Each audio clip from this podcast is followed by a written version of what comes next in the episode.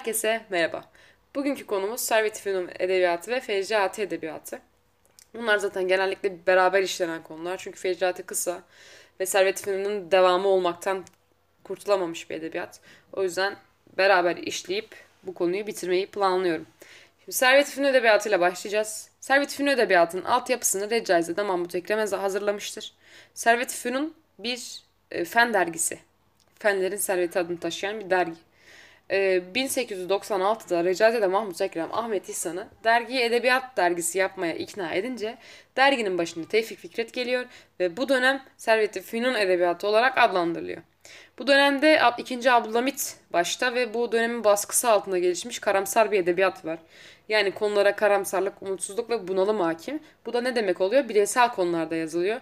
Ayrıca bu da ne demek oluyor? Sanat için sanat anlayışı daha yoğun oluyor. E, çünkü topluma inen bir edebiyattan bahsetmiyoruz bu dönemde. Gazetecilikten dergiciliğe geçiş dönemi sanatlı ve ağır bir dil kullanılıyor. Dergi Hüseyin Cahit Yalçın'ın Edebiyat ve Hukuk adlı makalesi yüzünden kapatılıp topluluğun dağılmasına sebep oluyor. Öğretici metinleriyle başlayıp tiyatrosuyla bitireceğim. Tek tek böyle biraz bahsetmek istiyorum. Öğretici metinlerde bireysel ve edebi konular işlenmiş. Zaten dediğim gibi dönemin baskısı konuların tamamıyla küçülmesine ve bireyselleşmesine sebep oluyor. Gezi yazısı, eleştiri ve anı türünde öğretici metinler yazılıyor. Bu dönemde eleştiriler çoğunlukla döneme yönelik eleştirileri yanıtlama ve topluluğun edebiyat anlayışını ortaya koyma amacı taşır. Bu ne demek oluyor? Bu şu demek oluyor. Sadece kendilerini anlatmakla uğraştıkları bir eleştiri e, dönemi bu dönem. Eleştiri deyince bu dönemde aklımıza gelmesi gereken isim Ahmet Şuayb. Şiire geçecek olursak konu ve biçim yönünden bir yenilik yapılıyor. Heceyle denemeler yapılıyor ama tabii ki yine ağırlıklı olarak aruz kullanılıyor. Bireysel şiirler yazılıyor. Sadece Tevfik Fikret toplumcu şiirler de yazıyor. Ve Caizade Mahmut Ekrem de diyor ki güzel olan her şey şiirin konusu olabilir.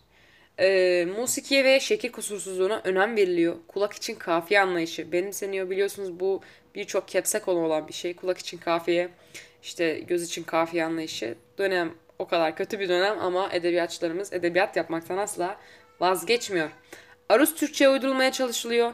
Sona ve terzarime ilk kez bu dönemde kullanılıyor. Bolca serbest müstezat kullanılıyor. Yeni imgeler oluşturuyor. Daha önce kullanılmamış Arapça ve Farsça kelimeleri kullanmak bir hüner olarak görülüyor. Açıkçası Türkçenin içinden geçiyorlar. Ee, süslü ve sanatlı bir dil, şiir bütünlüğü, sembolizm ve parnasizm, nazım, nesle yaklaştırılmıştır ma ve manzum hikayeler yazılmıştır. Yani büyük ihtimalle Servet Fünun şiirlerini okursak çok da bir şey anlamayacağız. Eğer en başarılarını okursak işte bu Recazade Mahmut Ekrem'in bu tüm kelimeleri karıştırıp yeni imgeler oluşturan şairlerimizi okursak pek de bir şey anlamayacağız gibi gözüküyor. Roman ve hikaye geliyorum. Teknik bakımdan batı seviyesine ulaşılıyor. Psikolojik tahlillere yer veriliyor. Bireysel konular işleniyor ve çevre tasvirlerinde artık ayrıntıya giriliyor. İstanbul dışına çıkılmıyor. Şaşırmıyoruz. Zaten dediğimiz gibi e, bireysel bir edebiyat. Anadolu'yu anlatan toplumcu bir edebiyattan bahsedemeyiz burada. O yüzden İstanbul dışına çıkılmadığını unutmayalım. Kahramanlar eğitimli, aydın, zengin, konaklarda yaşayan kişilerden seçiliyor ve ait oldukları sınıfa göre konuşturuluyor. Yani bir ötekileştirme var romanlarda. Uzun ve kesik cümleler kullanılıyor. Realizm ve naturalizm akımlarından etkileniliyor. Olay hikayeciliği yapılıyor. Başarılı ve olgun hikayeler yazılıyor.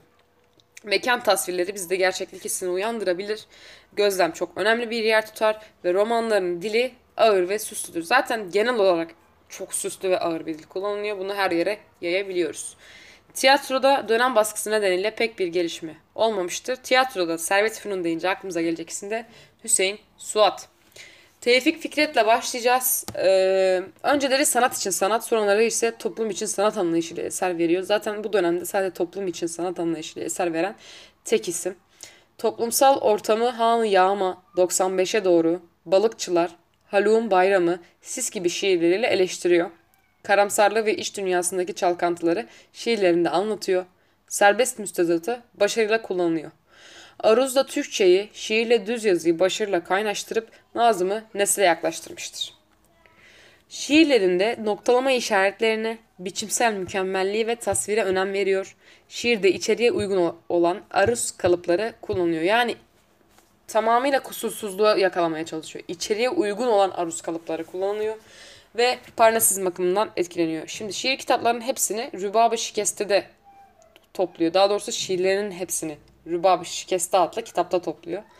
Ee, Rübab'ın Cevabı ve Haluk'un Defteri diye iki kitabı daha var. Şermin ise çocuklar için yazdığı şiir kitabı olması gerekiyor diye hatırlıyorum. Evet aynen öyle. Cenap Şahabettin'e gelecek olursak. Cenap Şahabettin sanat için sanat anlayışını e, benimseyen şairlerimizden, yazarlarımızdan da diyebiliriz. E, Parnasizmin ilk örneklerini veriyor Cenap Şahabettin. Şiirlerine müziğe önem vermiş, sembolizmin öncüsü olmuştur. Arapça ve Farsça sözcüklerle, özgün imgelerle yüklü ve ağır bir dili vardır. Şiirlerinin konusunu doğadan almıştır. Şiirleri Elhan-ı Şita, Evrak-ı Leyal, düz yazıları Evrak-ı Eyyam, Nesri Harp, Nesri Sul, gezi yazıları hac yolunda, Avrupa mektupları, Suriye mektupları bunlar çok soruluyor. Özdeyiş kitabı var, Tiryaki sözler, tiyatro, yalan, körebe, küçük beyler. Halit Ziya Uşak'la ile gelecek olursak. Halit Ziya'yı tanımayanımız yok. Batılı tarzda eser veren ilk büyük romancı, dönemin üstadlarından bir tanesi. Ee, dönemin en güçlü yazarı, Fransız, realist ve naturalist yazarlardan etkileniyor.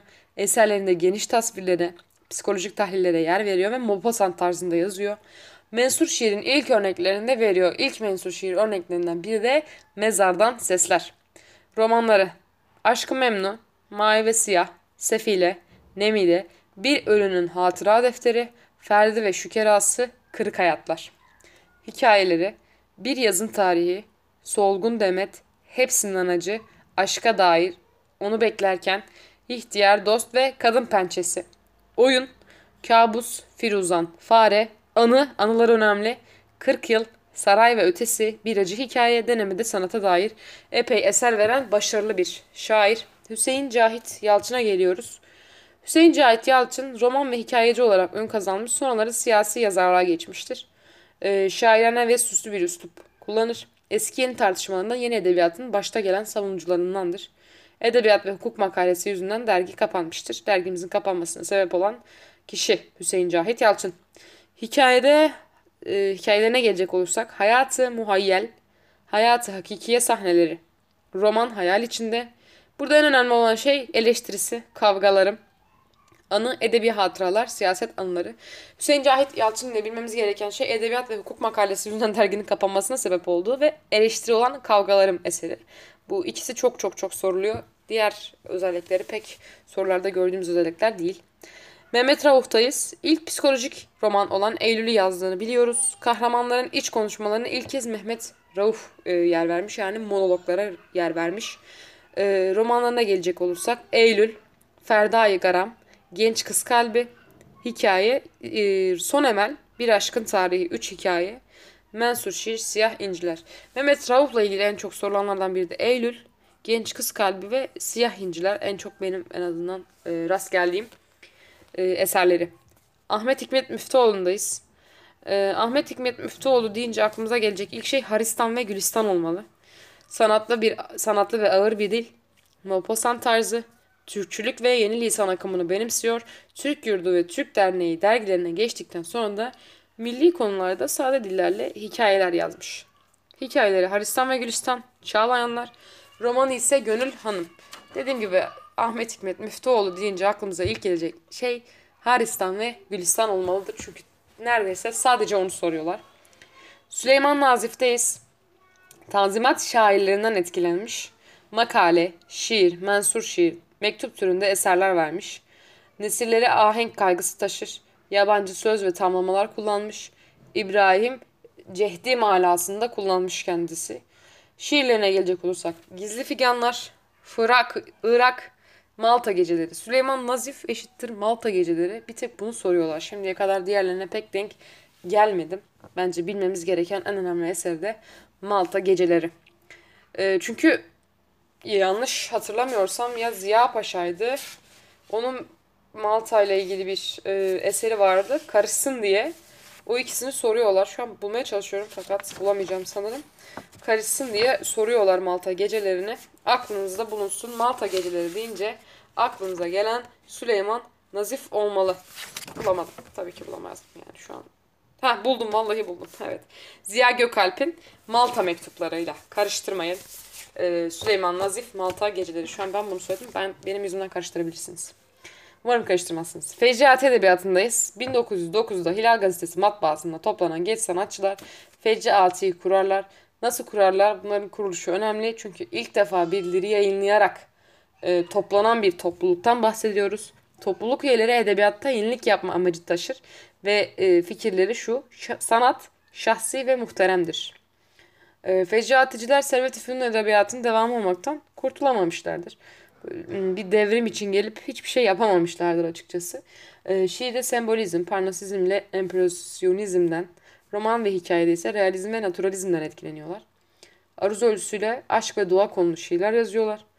Arapça ve Farsçanın etkisinde ağır bir dil var. Serbest müstezat kullanılıyor. Tiyatroya pek önem verilmemiştir. Feyci aaticilerin çoğu milli edebiyata katılmış.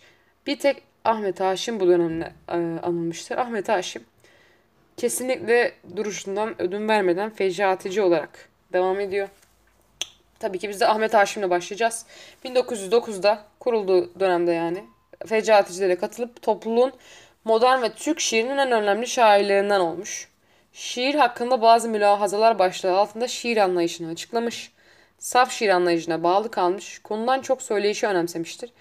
Gerçek şiir ona göre herkesin kendine göre yorumlayabileceği bir şiirdir e, anlayışındadır. E, Arapça ve Farsça ile başlayıp zamanla Türkçe'ye kaymış. Şiir duyulmak için yazılan e, sözden çok musikiye yakın bir e, tür olarak görür. Konularını aşk, doğa, çocukluğu, gerçek hayattan e, ve kaçıştan seçer.